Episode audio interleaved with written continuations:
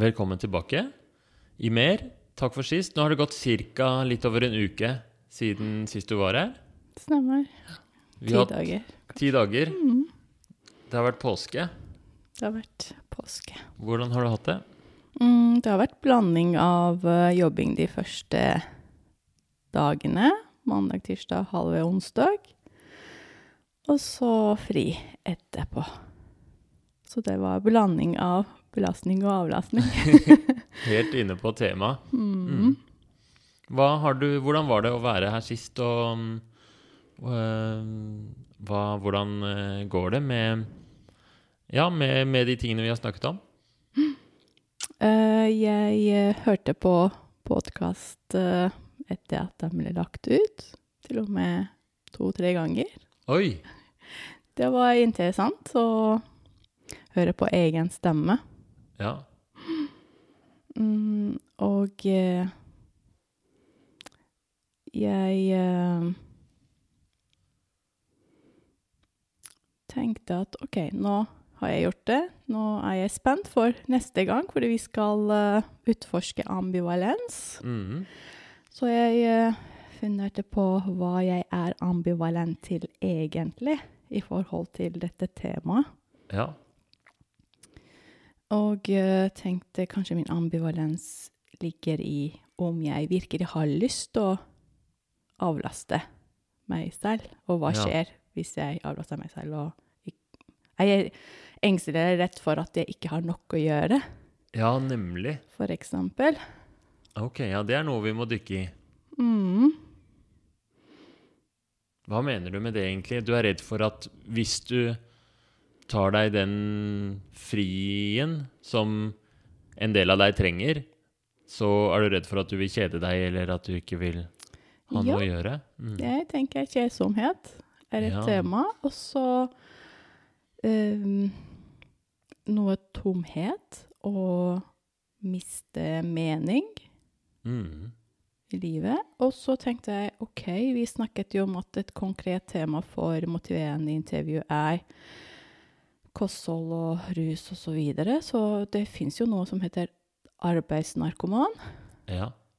Og så eh, tenkte jeg eh, Er jeg det? ja, føler du deg som arbeidsnarkoman? Til tider, ja. Så jeg kan liksom overse kanskje andre gleder i hverdagen. Mm. At du får et eller annet eh, ut av den jobben som, som en del av deg trenger, men samtidig så kan det bli for mye, liksom. At det kan gå utover andre ting. Ja, altså ikke bare sånn jobb, men også som sagt de prosjektene som jeg Mm. har. Og så fant jeg at jeg også knytter det jeg holder på med som hobby, veldig relevant til det jeg jobber med. For eksempel altså tango, og leter etter noe mening som er knyttet til Ja, psyken, maraton, u- utholdenhet, utforske det. det er hele tiden så handler det om Det er på en måte Selv om det er hobbyer, så er det noe produktivt ved det, liksom. Mm. Så det er ikke noe gærent, det heller. Nei, det er ikke noe gærent. Men det er bare jo sånn Bare gjør det for å gjøre det. Bare å ha det hyggelig. Ja, Uten å lete etter mål og mening i alt. ja nemlig. Det er det omvendte enn jeg kanskje prøver å hjelpe folk til å finne mål og mening. Ja. Så fordi Det er noe med sånn Når du beskriver eh, tangoen, at hvis du lærer deg tango eller bruker tango som et mål for å bli en flinkere terapeut, så er liksom ikke tangoen et mål i seg selv. Da blir det et middel for å oppnå noe.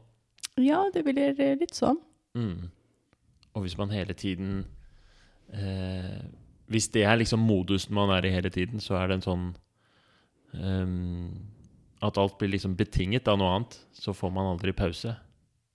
Nå er vi foran skjema. skjema. -hmm. Nå, vi, mm, jeg syns det var veldig fint at du hadde hørt på den episoden tre ganger. Det må jo være Det er jo fantastisk innsats. Og det sier jo noe om at du virkelig tar dette alvorlig. Og eh, Ja, det syns jeg var kjempekult å høre. Det tror jeg er Jeg tror ikke mange av pasientene som Noen som ikke har hørt en eneste gang engang. Mm -hmm. det, nå sa jeg det igjen! Nå sa jeg pasient! Vi snakket om det så vidt før vi startet, at um, det er litt sånn sleivete av meg å bruke ordet pasient når Her er det jo egentlig en gjest. Og det er jo um, et sånn skillelinje som er litt viktig, fordi eh, i denne denne podkastsituasjonen er jo litt rar. Det er jo sånn mellomting mellom Jeg prøver jo, og jeg tar jo rollen som en hjelper, men jeg Det er jo ikke en legetime. Hva syns du om det å bli kalt pasient? Når jeg sa det nå litt sånn sleivete. Mm, mm, eh, for å være ærlig, det er veldig ubehagelig. Ja. Fordi jeg først og fremst ikke har sett meg som pasient. Og så um, Det er det som jeg tenker at så mange vegrer seg fra å bli kalt. Ja. Altså hvis man skal henvende seg til noen for å få litt hjelp Mm. for å rette kurset, litt, Mm. um, er man jo rett for å bli stemplet, rett og slett, med Ja. å bli en pasient eller med en sånn psykisk lidelse, ikke sant? Vi snakker om alltid sånn lidelse og sykdom og pasient som sykeliggjøring av alt. Mm. Og kanskje det er derfor så det blir liksom mindre farlig med coach og Ja. uh, Ja, gestaltterapeut, eller hva, ja enn å gå til psykolog eller psykiater. Ja. Mm. Fordi det er et eller annet med det å havne i den derre pasientrollen som er ubehagelig. Mm, den øker Mm. gøy, og terskelen til å oppsøke hjelp. Kanskje Ja. det er det som også vi leger er jo ekstra var på, Ja. fordi vi vet hva sykdom og- pasientrollen går i. Ja. Mm. Fint at du bemerket det. Ja. ja, men jeg merket jo med en gang når jeg sa det nå, at jeg merket det på deg òg, at det var litt sånn At det var ubehagelig.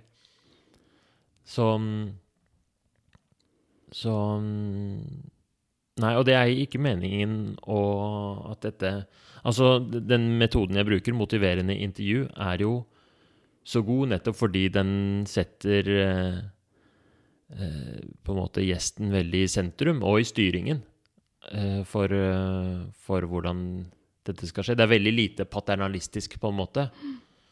Og den derre Det lege-pasient-forholdet kan av og til ha med seg sånne assosiasjoner til at man er liksom Ja, både det der paternalistiske, men òg det at man blir veldig på en måte sårbar og nesten umyndiggjort. No, ja, det kan i hvert fall være sånne assosiasjoner. Det var i hvert fall det jeg lurer på om det kanskje var litt her nå, da. Um, har du lyst til at vi går i gang med å utforske denne ambivalensen? Jeg tror der er det veldig mye spennende og uh, konstruktivt å finne ut av. Helt klart. Så da kan vi gå i gang med em, Det er på en måte fire hovedspørsmål da, som, hvor det, vi skal liksom spørre om fordeler og ulemper. Og da begynner vi med sånn som det er nå. Hvis du ikke gjør noen som helst endring i livet ditt, hva ville vært fordelene med det? Å fortsette sånn som jeg har det. Ja, og bare la, la status quo fortsette, liksom. Mm, til eh, tider oppdager jeg at jeg er også for så vidt fornøyd med å være liksom oppfylt av mange prosjekter. Jeg veldig liksom stolt av at OK, jeg belaster meg, men dette klarer jeg. Ja, det føles bra. Det er å liksom- mestre, liksom. Mm. Det er sånn en slags euforisk følelse òg, når man ser tilbake til det man har klart. Ja. Ja, du liker å liksom se på uka som har gått, og se at jeg fikk til mange ting, jeg leverte bra på jobben, jeg var til stede i det møtet og gjorde en god jobb. Er det den følelsen? Mhm. Så det er en fordel med sånn som du har nå. Det er noe som er kanskje litt vanskelig å gi slipp på. Ja. Vil du si mer om fordeler ved, med sånn du har det nå? Mm. Merker nok jeg tenker mest ulemper. Ja. Vi kan begynne på de, da. Så kan du det kan når som helst, hvis du kommer på noen fordeler også Det er jo det den ambivalensen ligger i. Så så kan vi komme inn på det. For jeg tror den er viktig, den, der, den gode følelsen du får Mm. av å Av å mestre, av å være travel. Mm. Jeg tror en eh, ting er jo at eh, ikke bare min egen subjektive følelse, men også tilbakemeldinger kanskje man også får fra andre, og blir sånn beundret og Ja. litt sånn Når folk sier sånn 'Imer, du får til så mye. Hvordan får du det til? Hvordan har du tid til alt?' Ja. Det er en god Den beundringen er også god motivasjon. Ja. Og god følelse. Å fortsette med sånn. Ja. Det kan jeg skjønne. Tror jeg man kan kjenne seg igjen i òg, at det er Hvis man er eh, Ja, det er jo en grunn til at du Du finner deg her i denne situasjonen hvor du hvor du har alle disse prosjektene og havner i den situasjonen hvor du plutselig ikke får sove, liksom. Ja, ikke sant. Jeg har masse energi og litt sånn uh, Det er også Det inspirerer meg selv til å fortsette, og så jeg ser at andre blir inspirert og har Mm. glede av det og beundrer det. Så jeg vil også på en måte være litt sånn like aktiv og energisk, oppegående og mestrende for andre òg, på en måte. Ja. Stå for andre. Vil du si litt mer om det? Hvordan du føler at eh, ved å være travel, så inspirerer du andre? Kan du si litt mer om det? Jeg lurer på om det er i hvert fall en følelse av at uh, den gir litt sånn trygghet til andre. OK, her står jeg meg for meg. Så Mm. hun går ikke tom for energi. Ja. Ja, Det er trygghet. Jeg kan stole på henne. Så for deg å mm, spre trygghet til andre handler det litt om å, å gå den ekstra meteren, liksom, og gi ekstra innsatsen? Ja, vet du hva, der sier du noe. For det er viktig for meg at uh, jeg skal uh, få andre til å føle seg behagelig Ja. og trygg og glad. Det er nesten en sånn verdi for deg, en kjerneverdi. Ja, Det er det. Mm. Det. Og selv om det av og til kan koste deg at du sier ja til en ekstra oppgave, eller at du sitter ekstra lenge på jobb, så er det på en måte verdt det på en eller annen måte?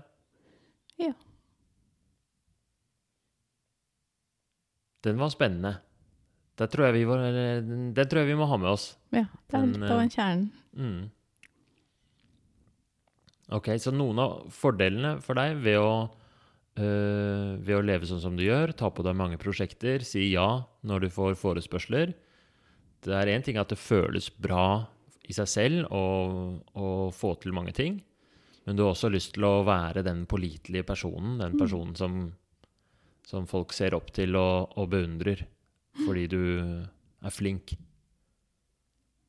Forstår jeg det riktig? Ja, Uh, men det er ikke sånn at uh, Jeg føler at den å være flink følelse er jo ikke den narsistiske flinkheten, på en måte, heller. Det er ikke sånn at den går som booster i egoet mitt. Men det er på en måte det å dele. Ja. Det handler mer om Det- den, Det er egentlig viktigere for deg, den delen med å tilfredsstille andre, enn å på en måte heve deg selv. Ja. Fordi det er der i hvert fall har jeg litt konflikt med meg selv. Et dilemma, eller ambivalent, ambivalens, om jeg skal gjøre en endring. Fordi hvis jeg på en måte skal heve meg selv, og ta hensyn til mest på hva jeg trenger, kan det gå i bekostning av at andre ikke blir tilfredsstilt. Det kan hende. Det kan Mm. hende at hvis du skulle gjort en endring og sagt nei til enkelte forespørsler, kutta litt uh, ut litt uh, forpliktelser, så kan andre blir skuffet over deg, blir sure Mm. på deg. Ja. Ja, Kanskje noen til og med vil mene du er egoistisk. for eksempel. Hvordan føles det, da? Når du sier det egentlig, det sånn Ja, vet du hva, det er helt greit. Det føles jo Hvorfor ikke? Det er så befriende. Altså, Det er jo en del av særlig ivaretakelse. Hvorfor kan jeg ikke få det til? På den ene side. På den andre sida er jo veldig ubehagelig. Veldig Ja, kan du si det? Ja, for jeg skjønte ikke helt hva du mente nå. Og så jeg ser at når du ser, i hvert fall hvis folk sier sånn ja, så du er så egoistisk og står for deg selv og sånn, og du er opptatt av deg selv Jeg bare tenkte ja, men OK, det er ikke det det jeg trenger akkurat. Mm. Det er det jeg vil endre Det er det du vil. til å få til. Ja. Og mer selvivaretakelse og liksom ta mer hensyn til meg selv, og sin, sette grenser og si nei takk, og så videre. Mm. Så det er befriende Det er befriende på den, ene og måten, på den ene siden. ja. ja, men det var fint. På Så- den andre siden er det også igjen ubehagelig av alle de grunner som vi snakket i stad. Ja, Så det var ubehagelig, men det var et eller annet med å på en måte eh, innse det at OK, noen kommer til å akseptere det, da. Noen kommer til å kanskje bli sure eller skuffet. Så var det et eller annet befriende med det òg. At Mhm. å ja, men det var kanskje ikke så farlig. Mhm. Kanskje det er jo min tanke, fordi at kanskje folk ikke skal være skuffet eller sur, men forstå det er greit. Mm. Anerkjenne det behovet. Ja, det er ikke sikkert folk blir sure. Nei, ikke sant? Det kan være min egen oppfatning eller Mm. forventning. Ja. Jeg hele tiden tenker jeg litt sånn Vi snakker om noe mer sånn abstrakt enn det konkrete. ja. Men samtidig hele tiden sånn trekker jeg litt paralleller mellom det å si nei til rus eller nei til mat, da. Ja. Så i hodet mitt er det sånn mye mer konkret, tror jeg. Fordi altså, hvis man er i et sånn rusmiljø, drikkemiljø eller legale rusmidler, eller hvis eh, det er forventet fra foreldrene at du skal spise opp maten selv om du er jo mett, og fordi at uh, porsjonen er beregnet større i Mm. mors øyne, Mm. videre. Og du vil jo tilfredsstille det miljøet du er i. ja. Mm. Og du kjenner at det er litt det samme i din situasjon? At du er i et arbeidsmiljø? Uh, ja, så jeg bare tenker jo litt sånn uh, Jeg tenker litt sånn at man Mm. eh, på en måte har jo en identitet i et miljø, og det er som forventninger, og vil jo gjerne fylle opp de kravene. Det er kjempeinteressant at du nevner den derre Det er noe av den Altså fordi når man skal gjøre en endring, så kommer det ofte mye motstand fra seg selv, bare fordi kroppen har et slags immunforsvar mot endring. At det, det vil ikke endre seg. Det er eh, energikrevende. Men det kommer også motstand noen ganger fra omgivelsene. Så hvis noen skal slutte å ruse seg, så blir de andre rusvennene blir sånn Nei, men eh, Ja. Og det kan hende du møter den motstanden nå. Da, både motstand hos deg selv og motstand fra omgivelsene. At, at kolleger eller familie eller venner blir eh, blir overrasket og litt sånn her Ja, men skal du ikke gjøre sånn som hun pleier, liksom. Vi forventer jo at du jobber litt ekstra eller sier ja til alt. Ja. Ok, så vi, vi har snakket litt om det La oss fortsette på fordeler og ulemper, da. Hvilke ulemper er det, for å, bare for å gå gjennom de nå en gang til, ulemper med sånn som du har det nå? Uh, ulemper blir jo igjen uh, det basale jeg trenger, eh, blir forstyrret videre. Søvn og uregelmessig ubalansert matinntak og den kampen mellom å spise sunt i perioder også helt ubalansert og liksom den kampen Ja, forhold til en kamp. Du bruker ganske sterke ord, da. At det er en, en kamp. Hvordan tror du livet ditt blir hvis du fortsetter sånn som nå, liksom? Hva blir konsekvensen av det? mm, Jeg bare kjenner at jeg begynner å bli sliten. Jeg også sier at jeg er ikke sliten, men jeg begynner å bli sliten. Mm. Og så um,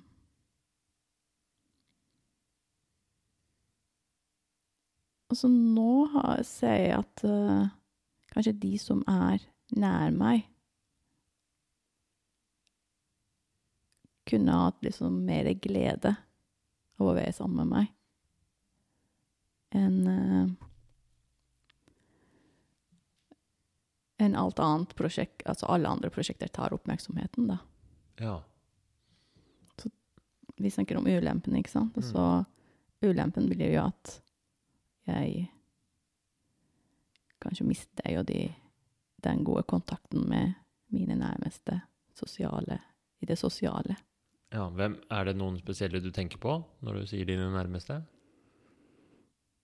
Så familie og venner og hovedsakelig. Mm. At det er en ulempe med den på en måte livsstilen du har nå, hvor du hvor du ikke helt setter grenser for ting for, som du skulle ønske. Syns det er vanskelig å si nei til ting. Og det er at det går både på bekostning av deg og din søvn og, og av og til med kosthold og sånt nå går det på bekostning av, men også på tiden du har med dine nærmeste. Mm. Ja, jeg for eksempel tenker sånn Har jeg tid og energi og kapasitet for et forhold i livet mitt? Et sånt kjærlighetsforhold. Så jeg har jo som barna mine OK. Og så Jeg har på en måte Det er jo liksom tid og energi det krever òg. Mm. Nå tar jeg det veldig privat, da, men uh, Ja, men det er fint. det er jo også det, selv om man er sammen med noen, Mm. kan partneren også føle seg tilsidesatt eller oversett eller ikke fått nok Mm. oppmerksomhet så videre, ikke sant? Ja, for hva er egentlig viktigst for deg? Er det å sette av tid til venner, familie og eventuelt en partner, eller er det å gjøre det ekstra på jobben? Altså jeg fant ut at jeg vil ikke være gift med min jobb eller mine prosjekter. Mm. Nei, jeg vil ha mer som det relasjonelle. Ja, det er egentlig viktigere for deg. Ja, Men sånn som du lever nå, så lever du som om det ikke er så viktig for deg. det, det er viktig, men det er jo litt sånn uh, tilsidesatt. Oversett. Ja. Så du føler du overser de relasjonene i livet ditt som kanskje er viktigst, ved å Det er liksom en ulempe med sånn som det er nå. Vi lurer på det, om de rundt meg kan føle seg sånn. Ja. Hvordan føles det, da? Ekkel. Nei, Mm. det er ikke en god følelse, fordi jeg er liksom jeg, jeg har veldig mye sosial i meg. Og så jeg stiller opp for så mange mennesker, og i min tilfelle pasienter. Og de er jo mennesker for meg, ikke bare liksom hvem som helst. Mm. Altså sånn, hva mener jeg? Altså jeg mener at det er jo individer, ikke sant? Så jeg ser ikke dem som en helhet som pasient, men ja. hver individ. Og så jeg tenker jeg på dem mye, og så hva med mine nærmeste, tenker jeg det noen ganger. ja, at pasientene, eller de eh, relasjonene du får på jobb, tar og skygger over litt de relasjonene du har hjemme. Ja, man bruker mange timer, både på altså med pasienter og med kolleger, og ja, mesteparten av dagen. Mm. Og egentlig har man ikke så mange timer med sine nærmeste Mm. i et døgn. Ja. Det er veldig tydelig. Det, eh, det som vi leter etter i, i disse intervjuene her, er jo ikke sant, utforske ambivalensen. Og noen ganger så blir ambivalensen eh, Det er et annet sånn fremmedord da, som heter diskrepans. Mm. Som er når sånn du Sånn du opplever livet ditt, er eh, i utakt med sånn du skulle ønske det være, eller det som er viktig for deg, eller verdiene dine. Mm. Og det føles ut som det er litt diskrepans her, gjør det ikke? Nettopp. At verdiene dine, sånn som du tenker at livet skal leves, liksom, det handler om å dyrke de nære relasjonene. Det er veldig viktig for deg. Men samtidig så ser du at i hverdagen så er det ting som skjer som gjør at de blir liksom skjøvet litt til siden. Mm. Er det riktig? Forstår jeg det riktig, liksom? Jeg tror det. Mm. Så det er en ulempe med sånn som du har det nå. Ja. Skal vi ta, snakke om endringen, da? Fordeler og ulemper med det? Hva ville vært hvis du skulle gjort en eller annen endring? Vet ikke helt hva det skulle vært ennå, sånn konkret. Mhm. Men hva ville vært uh, Vi kan begynne med liksom, Hadde det vært noen ulemper med det?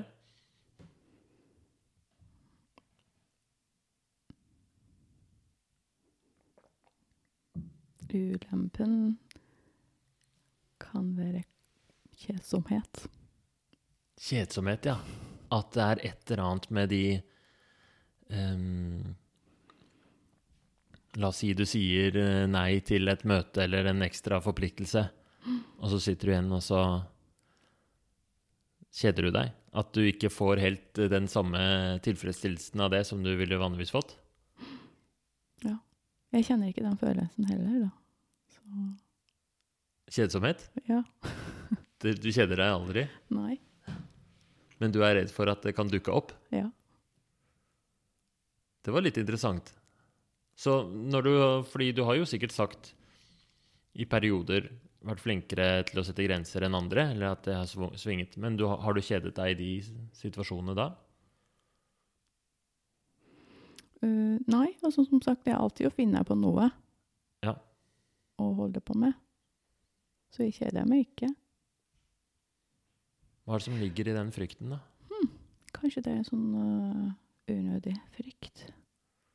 Fordi at jeg bare tenker at hvis jeg skal øhm, fylle den tiden med å Etter en endring og andre meningsfulle aktiviteter som å være sosial med mine nære og øh, endre holdningen, tror jeg skal være greia.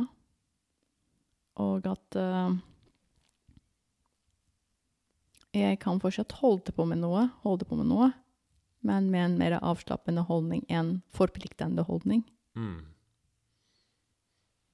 Det var interessant at endringen du er ute etter, er ikke nødvendigvis så uh, sånn veldig Du kan godt gjøre mange ting fortsatt, men det er måten du forholder deg til de tingene, liksom. Eh, ikke så mange heller, da kanskje. Litt mer sånn én om gangen. Ja. ting igjen. Hold, altså, ja. Uh, kanskje mindre ting òg, samtidig ikke ingenting. Mm. Nemlig. Så det er både å redusere prosjektmengden, liksom, og så er det noe med at du, du, vil, at du vil gjøre ting fordi du, at det er lystbetont, ikke fordi det er forpliktelse. Mm. Jeg faktisk eh, tenkte på et bilde som jeg eh, så i en av de sosiale mediene, hvor det er sånn to glass. Begge to er jo like full av vann. Sånn ikke overfylt, ikke halvfullt, eller litt over halvfullt. Og så i den ene, det er en person som nesten som, prøver, som drukner, så prøver å overleve, altså komme seg over vannet. På den andre ligger den helt flat på vannet, med armene bak hodet, og slapper av. Mm.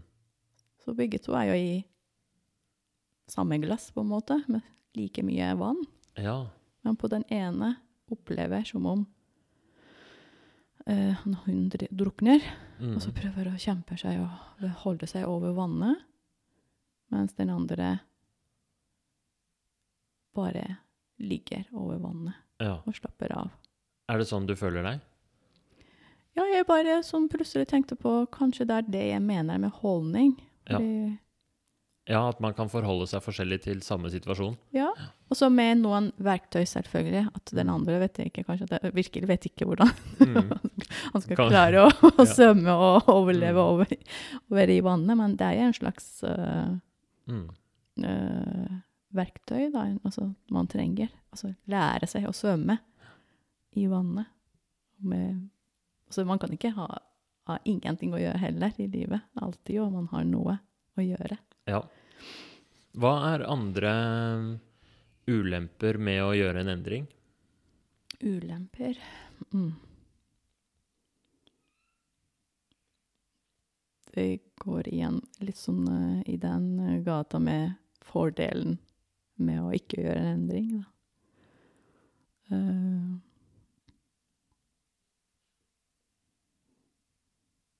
jeg tror følelsen av å være ubrukelig Ja. vil jeg unngå.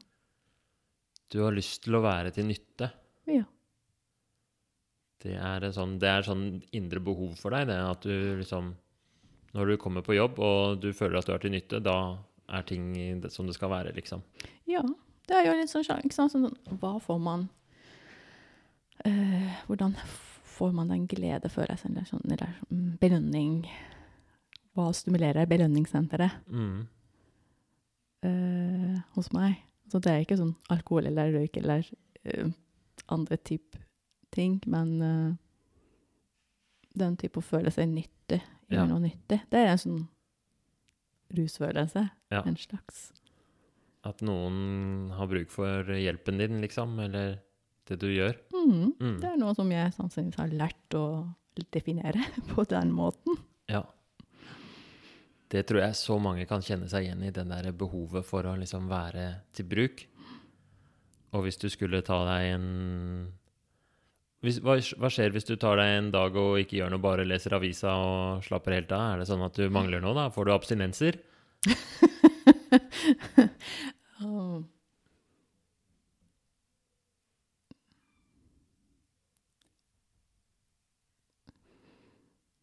Um, ikke, ikke sånn eh, kroppslig abstinens, kanskje, men eh, kanskje psykologisk abstinens på en måte.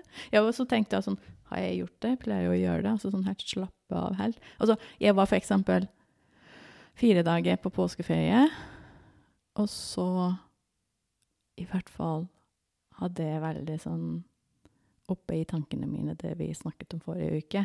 Så jeg bare måtte tenkte OK, jeg skal nå prøve å jobbe med balansere, ikke bare sånn tenke alt jeg skal gjøre uken etter, alle forpliktelser jeg har. Men jeg har en sånn, for eksempel et sånn uh, foredrag på onsdag, og det er jo noe helt annen ting enn å gjøre med jobb, men det er noe å gjøre med ja, medisinstudenter i Tyrkia, da, hvor jeg Ah, ja. kommer fra.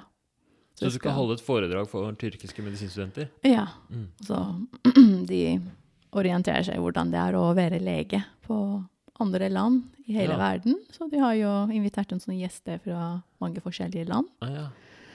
som jeg har i hvert fall uh, sett på sånn YouTube, uh, som de sendte til meg, da, som eksempel.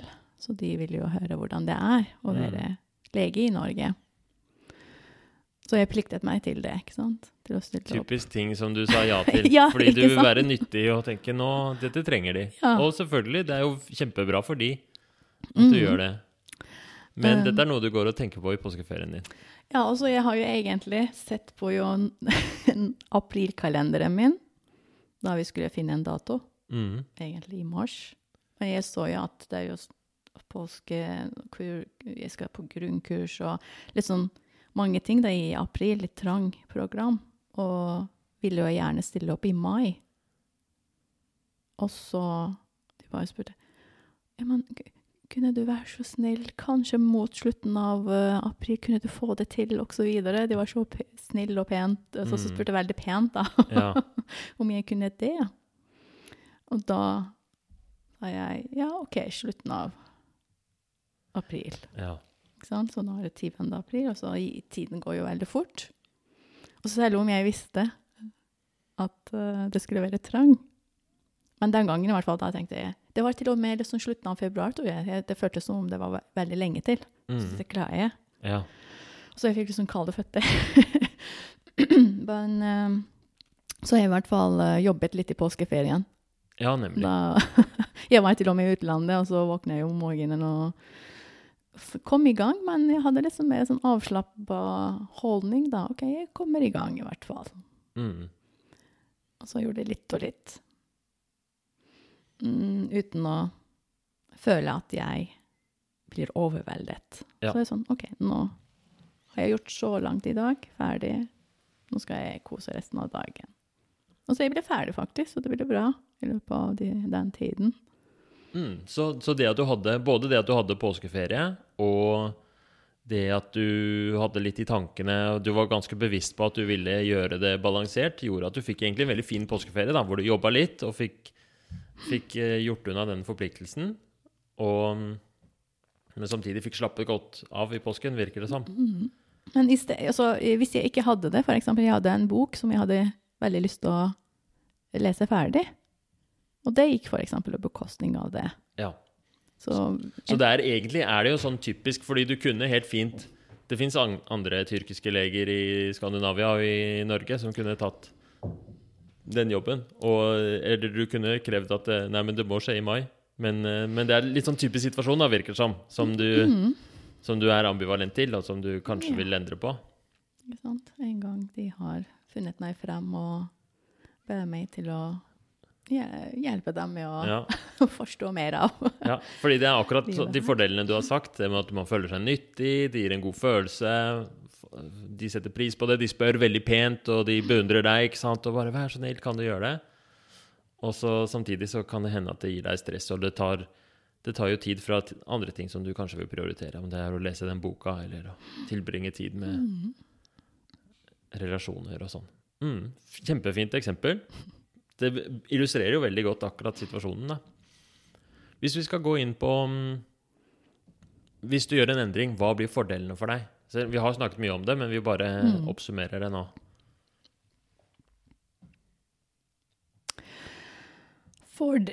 Fordelene blir jo at jeg først og fremst blir selv mye mer fornøyd med meg selv, alt i alt. Altså selv om jeg sier at jeg er veldig fornøyd med meg selv når jeg får til gode tilbakemeldinger fra andre. Likevel min egen tilfredsstillhet om meg selv blir, blir litt manglende. Mm.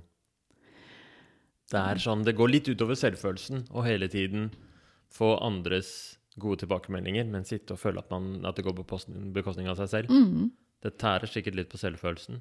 Så jeg tror jeg kommer å beundre meg selv mye mer hvis jeg er i stand til å si nei takk. Jeg får Mm. ikke alt med Mm. meg i verden. Det er jo lov å la være en del ting Ja.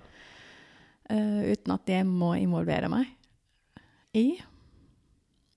Uh, her kjenner jeg plutselig en ulempe, fordi jeg på en måte tenker at det er så mange interessante ting ja. som man kan interessere seg i og være med og engasjere, engasjere seg i. Det er jo det helt også... fantastisk, dette livet, liksom. Det er Ja. uendelige muligheter til hva man kan gjøre. Man kan melde seg på en robot, øh, psykologisk robotforening. det er kjempespennende.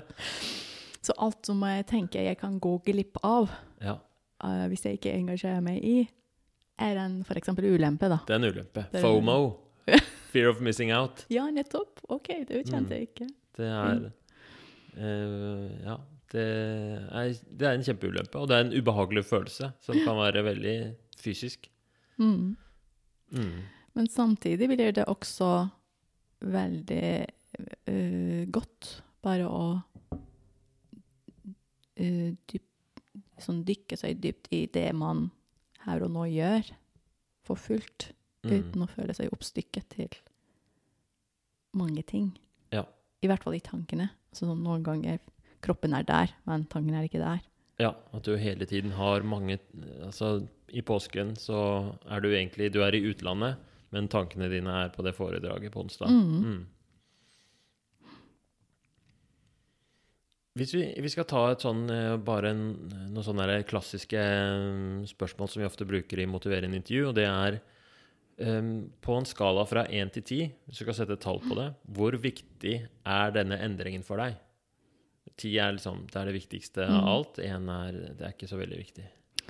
Så jeg, jeg er så høy som åtte. Åtte, ja. Så det er Den er solid. Så ja, fordi Du kunne jo sagt seks, for eksempel. Hvorfor er det åtte og ikke seks? Mm, fordi at uh, jeg har behov og ønske og lyst å være mer i takt med meg selv. Og så ikke oppleve den diskrepansen lenger. Ja. Her, for eksempel, jeg kan gi eh, et eksempel fra tango igjen, da. For vi snakket om at sånn, tango er et sånn samspill, en kommunikasjon med partneren du danser. Det samme i relasjon.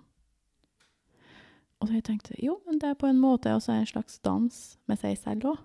Mm. Og så da skal man jo på en måte ha et sånn godt kommunikasjon med seg selv og et godt samspill. Og den ene skal ikke være den andre, men man skal være sånn i god takt med seg selv, slik at man kan bevege seg smooth Ja. i livet. ja. Og det vil jeg oppleve med meg selv òg.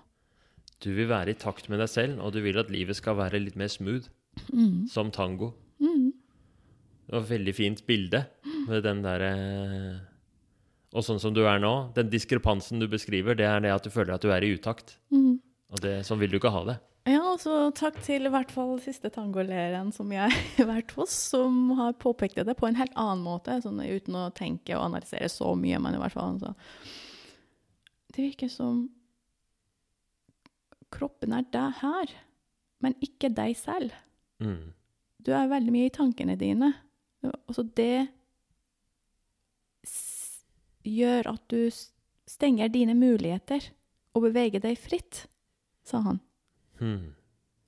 Det er jo det veldig beskrivende, Det da. var veldig beskrivende. Altså, han jo på en måte tenkte mer sånn i forhold til dansen, men jeg tenkte det er veldig beskrivende i forhold til min holdning i livet. Ja.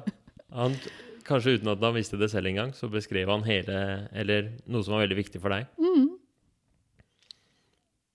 Hvis vi prøver et nytt sånt spørsmål med skala, men istedenfor hvor viktig er det, så spør jeg på skala fra 1 til 10 hvor stor tro har du på at du kan få til å gjøre en endring her? 10 er sånn ja, det er kjempelett, jeg skal gjøre det i morgen, mens 1 er sånn jeg vet ikke hvordan jeg skal begynne engang. Der går jeg ned til litt over halvpart. Seks. Ja, litt lavere der. Litt lavere, fordi at eh, jeg vet at det å endre er jammen ikke enkelt. Og det Mm. å falle tilbake til gamle spor, ikke sant. Altså, Mm. det er så lett. Men der, derfor er det veldig bra med disse podkastene, så man kan lytte om og om igjen og Ja. minne seg på. Og hvis vi tar samme øvelse nå, da Så det gikk jo veldig fint. Da kom den tangosammenligningen fram. Så hvis vi gjør samme øvelse nå, at hvis du tenker over Ja, du satte seks, du satte ikke fire. Hvorfor ikke fire? Hvorfor er du på en sekser og ikke en firer? Mm. På liksom troen på at du kan klare det? Fordi først og fremst jeg er en evig optimist. Det å begynne med har jeg alltid jo større tro for at dette kan man få til. I hvert fall finne frem hvordan å få det til. Mm. Så jeg, eh, som sagt, jeg har en sånn optimistisk holdning alltid. Um, og der må jeg være kanskje litt forsiktig, fordi at jeg må heller ikke bagatellisere at det er vanskelig, Mm. egentlig. Ja. Det er alltid Um, utfordrende å endre, men jeg tror det hjelper fint med den optimistiske holdningen. Mm. Det gjør at man tør å begynne. Og en annen ting er jo selvfølgelig at ja, men selvfølgelig jeg må klare det. Jeg kan ikke tenke at uh, jeg ikke skal være i stand, ikke å klare det. Jeg eh, faktisk, eh, mens jeg holdt på, nei, jeg holdt på å høre på sånn podkast, jeg bare hørte at jeg ler ganske mye. Og så tenk, altså sånn, jeg har mye sånn latter, og jeg bare tenkte OK, det er først og fremst Jeg virkelig ler mye i livet fordi at jeg ser veldig mye humor i alt. Ser livet som ganske humoristisk. Og kan make, sånn, lage sånn, sånn humor av ting og le av det, selv om det er sånn vondt og tungt.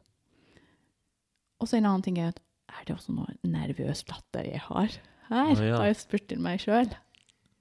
Fordi at jeg vet det er jo vondt og tungt. Og så jeg blir faktisk kanskje nå er nervøs og engstelig òg. Ja. Så jeg kan eh, innrømme at jeg er litt sånn engstelig for å ikke få det til. Det er det, det tror jeg veldig mange kjenner på når man skal gjøre en eller annen endring. Så er det jo ukjent landskap, og det er skummelt. Mm, for det er også litt sånn eh, Hva heter det? Defeat? Nederlag. Mm. Ja, tenk hvis du prøver og ikke får det til. Katastrofe. Det er nesten tryggere å ikke prøve. Ja. Hva mm, Hvis vi eh, Har du noen erfaring fra tidligere med å gjøre en eller annen endring i livet? Det trenger ikke å være relatert til dette, liksom. Men at du har du liksom en sånn historie fra livet ditt hvor du har mestret noe og fått til å gjøre en endring? Hvis du har et eksempel på det? Vedvarende eller forbigående endring? Ja, et eller annet hvor du var litt fornøyd med, da. En, en på en måte en Mm. suksesshistorie. Og det trenger ikke å være relevant, det kan være en bagatell. Det kan være at du har eh, satt sammen et møbel, liksom. Men eh, et eller annet som du kjenner sånn Det fikk jeg til. Mm. Um, ja, for, eks for eksempel eh, Jeg brukte jo litt motiverende intervju der. Uh, nylig, egentlig. Eller sånn, fordi jeg var sånn rett for å, redd for å kjøre bil. Å ja. Ja. Det er jo en bagatell for mange, men for meg it's a big deal. Um, fordi jeg litt sånn ja, Jeg har alltid bodd jo i Norge, i Oslo, og så midt i byen, og trengte ikke å kjøre bil, og hadde ikke bil og sånn. Og så har jeg ikke konvertert min uh, førerkort som jeg hadde fra Tyrkia. Og jeg har ikke kjørt veldig lite der òg. ja.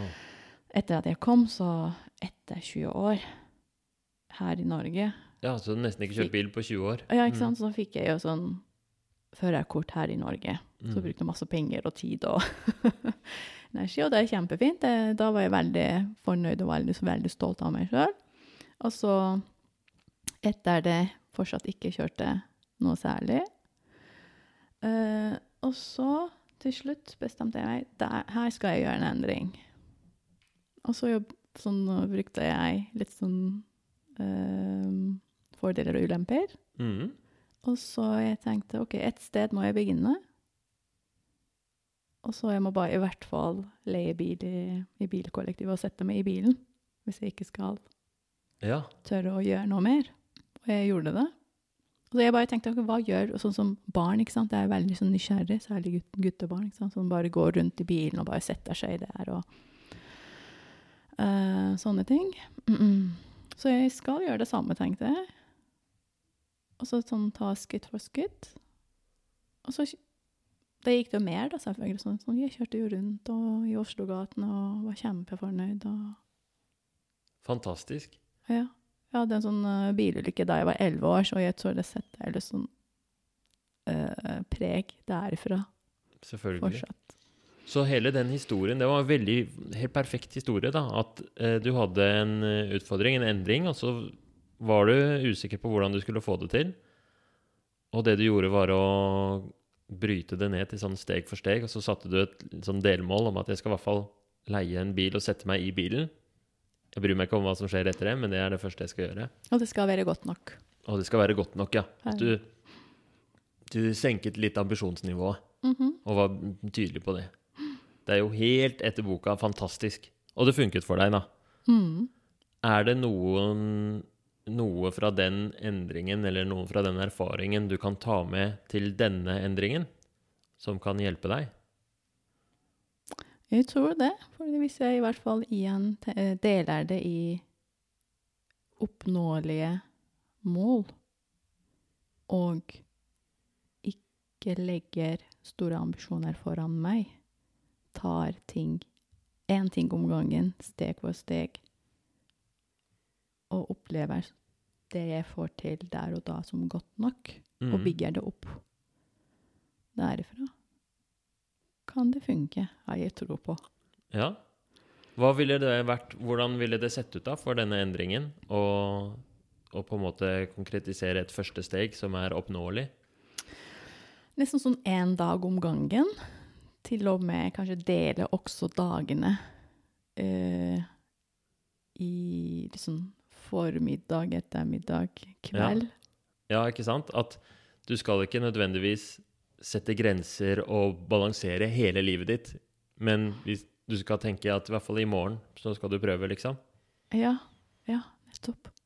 Det blir sånn veldig overveldende hvis jeg skal tenke å få den endringen til å fortsette å funke resten av livet mitt. Ja, det blir fort sånn man tenker, Mm.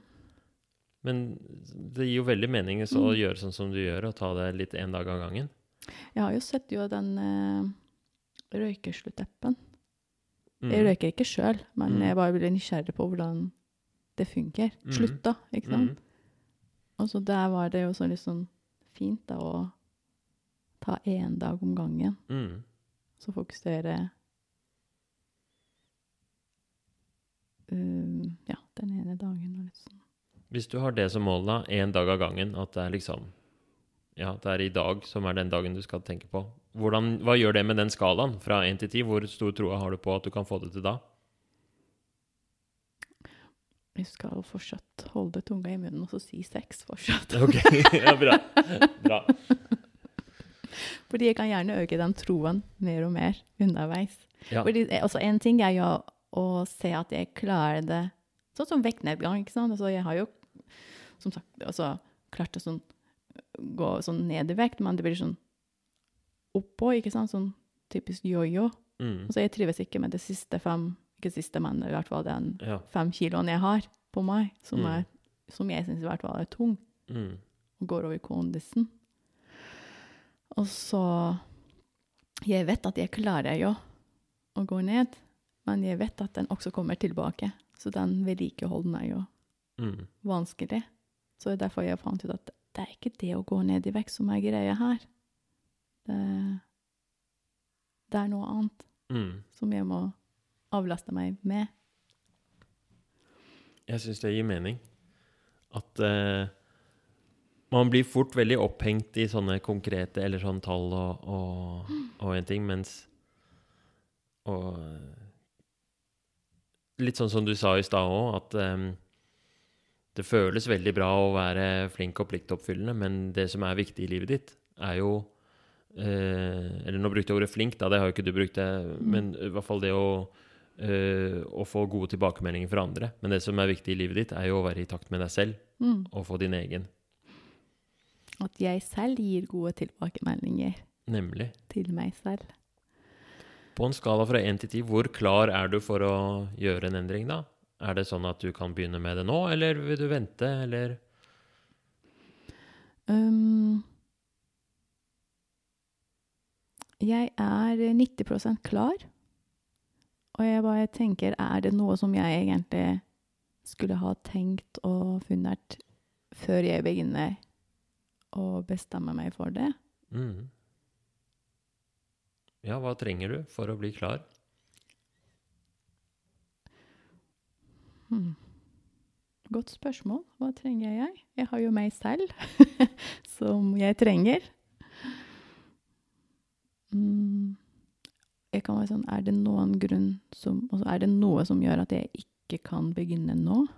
Eller er det noe som, jeg, som gjør at jeg skal utsette den? Er det noen Ja. grunn som gjør at jeg skal utsette? Ja, er du villig til å Det kommer an på, da. Er du villig til å Til å kjenne på eventuelt kanskje kjedsomhet?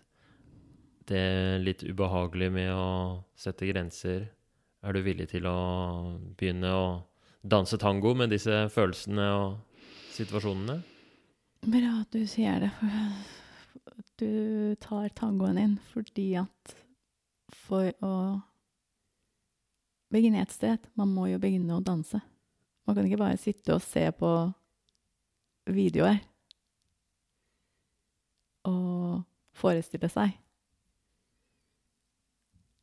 Og så man har, får en idé og så videre, men man må jo bare komme opp på beina og så sette i gang. Mm. Finne ut av det underveis. Og all endring man skal gjøre, også egentlig er det samme. Altså, det er bare å komme i gang. Her og nå. Så bra. Altså, livet er jo her og nå. og Det er videre. jo det. Hvis du Hvis vi skal begynne bare på for å avslutte denne samtalen, da. Vi skal ha en ny samtale om noen uker. Hva er det du har lyst til at vi skal spørre deg om da? Vil, hva, hvordan skal på en måte Hva er det du håper å få til? Eh, nest til, inntil nest, til neste gang vi snakker mm. sammen. Mm. Um, Og så må vi huske at det skal være så enkelt som mulig. da, At det er fort gjort å gå litt for hardt ut. Ja. Jeg eh, lurer på om det hører til den gangen, men jeg husker jo fra andre podkaster at du har jo oppmuntret gjestene dine til å finne en måte å gjøre den endringen synlig nok, noe konkret måte. Mm. Du ba dem til å lete etter oss for å gjøre dem Ja. synlig. Ja. Så plutselig jeg tenkte på om jeg kunne ha gjort det synlig for meg selv hvis jeg begynner å notere eller sånn, har en sånn logg over hva jeg takket nei til. Mm. Og selv om jeg er engasjert og interessert i, og fikk nesten panikk av å kanskje gå glipp av Ja. hvis jeg ikke er med, men likevel valgte Ja, det hørtes veldig lurt ut. Altså, fordi poenget her er jo ikke at man skal si nei til alt, men Nei, å få en liten sånn bevissthet på For det virker jo som du automatisk sier ja. Ja. det gjør jeg. Hvis noen spør deg om kan du hjelpe meg med det, så sier du ja, og så tenker du over om det passer. Så å klare å En sånn liten sånn beslutningsdagbok av noe slag, eller loggbok, som du sa. Mm. Og så får vi noen eksempler neste gang på om det har skjedd noen endring, eller om, om Det er lov også, hvis det er vanskelig, at du har sagt ja til alt, men hvis du har på en måte vært bevisst på det, så er det Mm. målet, liksom. Så velge med omhu. Velge med omhu. Ja, Det likte jeg. Det ordet liker jeg så godt. Omhu, ja. Det, Det er et kjempefint ord. Jeg vet jo nesten ikke hvordan Omhu, ja. Finnes det på andre språk? um, kan ikke komme på det med sånn på, på tyrkisk på den måten her og nå. Men velge sånn Ja. din, eh, dine valg. Men da er det leksa til neste gang, da. At Mhm. Imer skal velge med omhu. Ja, Fantastisk. Der har vi overskriften på hele Ja. podkasten.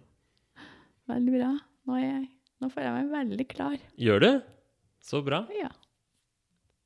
Det er jeg glad for å høre. Er det noe mer um, du trenger nå på slutten av uh, samtalen til å runde av? Um, egentlig ikke. Jeg bare gleder meg til neste gang. Ja, jeg også. Og uh, hva livet bringer de dagene fremover. Så bare for å oppsummere, hva er det mm, vi kan forvente til neste gang? Hva er din oppgave, liksom? Uh, min oppgave er først og fremst å velge hva jeg skal være med på med omhu. Og uh,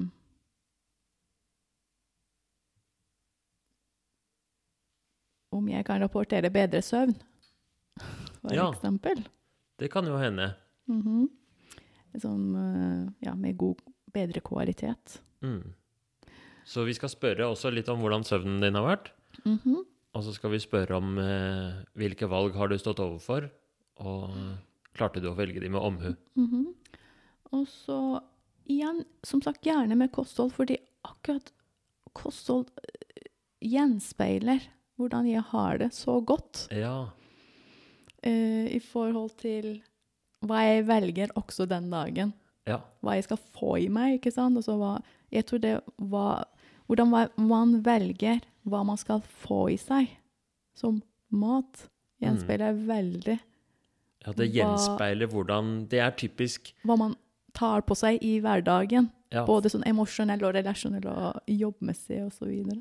ja, det er et veldig uttrykk for egentlig den der diskrepansen. Fordi det er viktig for deg å få i deg det du helst vil spise, liksom. Kostholdet ditt er viktig for deg, men det er ofte det som havner i skyggen Mm. når, når plutselig du, um, du tar på deg for mye, og uh, livet ditt plutselig går på bekostning av deg selv, så er det søvn og kostholdet man ser det på. Mm. Mm. Min datter for eksempel har bemerket uh, så godt at Mamma, nå spiser du litt ag- aggressiv. Ah, ja. Og det var så interessant, for altså, jeg kjente ikke noe sånn aggresjon og sånn, men det var fordi at det var så mye i tankene mine at eksempel, jeg har jo tatt pause fra ja, la oss si å lage det foredraget, ikke sant? Og så ble det kalt til middag.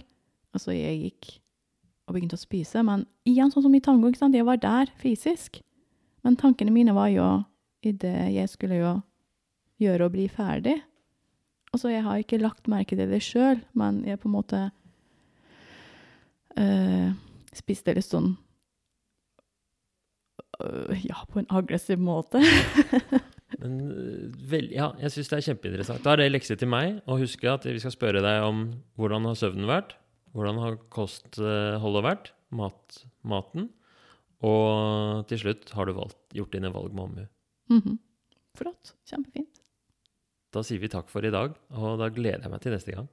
Takk for meg.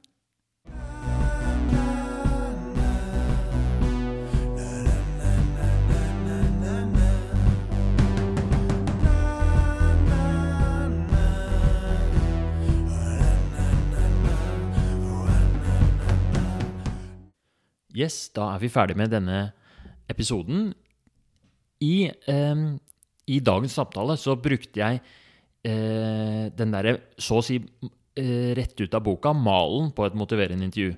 Hvor vi først snakker om fordeler og ulemper med sånn du har det nå. Så snakker vi om fordeler og ulemper med en eventuell endring. Og så snakker vi om Og så brukte jeg disse skalaspørsmålene på slutten for å virkelig konkretisere og oppsummere de viktigste tingene. Og mm, hvis dere har noe erfaring med motiverende intervju fra før, så kjenner dere sikkert til de der skalaspørsmålene. Som rent sånn eh, teknisk sett så spør man først hvor viktig er endringen for deg på en skala fra 1 til 10. Og poenget er Det er jo interessant å få et bilde av hvor eh, gjesten er på den skalaen, og på en måte kartlegge motivasjonen. Og så deler vi inn motivasjonen i tre elementer, liksom. Hvor viktig er det? Hvor stor tro har du på det? Og hvor klar er du? Og de liksom Det er på en måte motivasjon angrepet fra tre forskjellige perspektiver, og alle er viktige. Så det er fint å få kartlagt. Og så er det i tillegg fint å bruke det derre Det er jo nesten som et triks hvor man spør ok, hvorfor er du på seks og ikke på fire? Hvorfor er du på åtte og ikke på seks? At man, eh, at man stiller det spørsmålet på en måte for å virkelig få gjesten til å reflektere og dykke i sin Hva er det som gjør at jeg er motivert til dette her? Og det som skjer da, er at eh, det som kommer frem, ofte er en veldig fin oppsummering av det viktigste. Sånn som det som skjedde nå, var at øh, jeg stilte det spørsmålet, og så sa Imer at ja, men det er jo som det bildet fra tangoen, at eh, du er ikke til stede. At hun følte at hun var i utakt med seg selv. Brukte veldig fine bilder, var en veldig fin refleksjon, og, og på en måte Det blir så tydelig for henne hva det er hun vil, og hvorfor det er viktig for henne. Så akkurat det der skalaspørsmålet syns jeg er bare et sånt kjempeverdifullt spørsmål. Det kan man stille seg selv, eller man kan, man kan eh, gjøre det med venner. Eller, det er bare Det er veldig interessant hvorfor, at det blir så Det kommer så ofte så mye spennende refleksjon ut av det. Og det er jo det vi vil oppnå i et motiverende intervju. Vi er ikke her for at jeg skal fortelle Imer hva som er lurt å gjøre. Poenget er at hun skal dykke i sine tanker, i å reflektere og komme fram til eh, hvem hun er som en person, og hun å, hvordan hun ønsker å leve livet sitt. Jeg skal ikke fortelle henne hvordan hun skal leve livet sitt, hun skal fortelle meg hvordan hun ønsker å leve livet sitt. Og det er styrken i et motiverende intervju, det er styrken ved å utforske ambivalens, det er at man kommer fram til det. Og jeg brukte begrep som um, i samtalen, begrepet diskrepans. Og det er en sånn hjørnestein i motiverende intervju. Og når vi har medisinstudenter det første året så bruker jeg ikke det begrepet, for det er litt vanskelig. Hva er det egentlig for noe? Det er mye nytt man skal lære. Men hvis man liksom er litt Når man har begynt å kunne liksom uh, motivere en intervjuteknikken greit, man klarer å strukturere en samtale med å spørre om fordeler og ulemper, man klarer å holde tilbake hjelperefleksen litt og ikke gi råd, man klarer å uh, Gi litt bekreftelse og refleksjoner og oppsummeringer, sånn at det blir en god samtale. Da, når man får til det, så kan man begynne med den virkelige liksom, gullferdigheten, og det er å på en måte finne fram den der diskrepansen, eller å, å heve, eller å hjelpe pasienten til å uttrykke diskrepans. Diskrepans, det er når verdiene dine ikke samsvarer med sånn du lever livet, sitt, livet, ditt. Det er en ubehagelig følelse. Hun sa det jo, det var en veldig sånn derre Det kjentes ikke godt å tenke på, og det er en sterk motivator.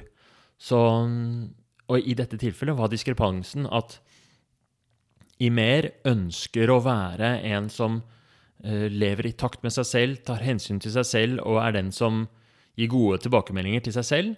Ønsker ikke å leve sånn at hun um, på en måte hele tiden trakter andres gode tilbakemeldinger og hele tiden står på pinne for alle andre og uh, på en måte er nyttig, men på bekostning av seg selv.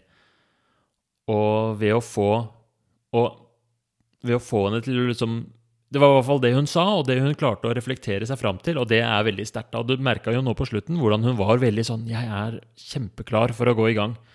Og og jeg, jeg, jeg er veldig fornøyd med at hun Eller jeg syns det var veldig Det var imponerende, egentlig, hvordan hun klarte å både få det fram og også beskrive det i bilder som betyr mye for henne, da. Med tangosammenligningen, som er eh, Som gjør det skikkelig ekte for henne. Og som, det blir jo en metafor, ikke sant? Og metaforer er så verdifulle. Um, når gjesten har med en metafor, så gjør det jobben så mye lettere, for da kan de virkelig hekte liksom endringen sin på det. Det gjør det lett å huske, og så kommer hun til å uh, ta det med seg i de neste ukene. Så får vi se om uh, hvordan det går. da. Hun hadde forslag til en konkret ting hun skulle gjøre. Hun skulle, hun skulle skrive en slags logg over, over, um, over sånne beslutninger hun tar Særlig uh, sånne, hvordan hun responderer på forespørsler fra andre. Og så skal hun prøve å, istedenfor å si ja med en gang, så skal hun prøve å velge med omhu det hun vil gjøre, og det hun ikke vil gjøre. Så det blir spennende å se hva hun får til. Eh, ellers så er det en nydelig eh, påskedag i dag, og nå har våren kommet. Så nå tenker jeg å, å avslutte og si ha en fin dag til alle sammen. Ha det bra.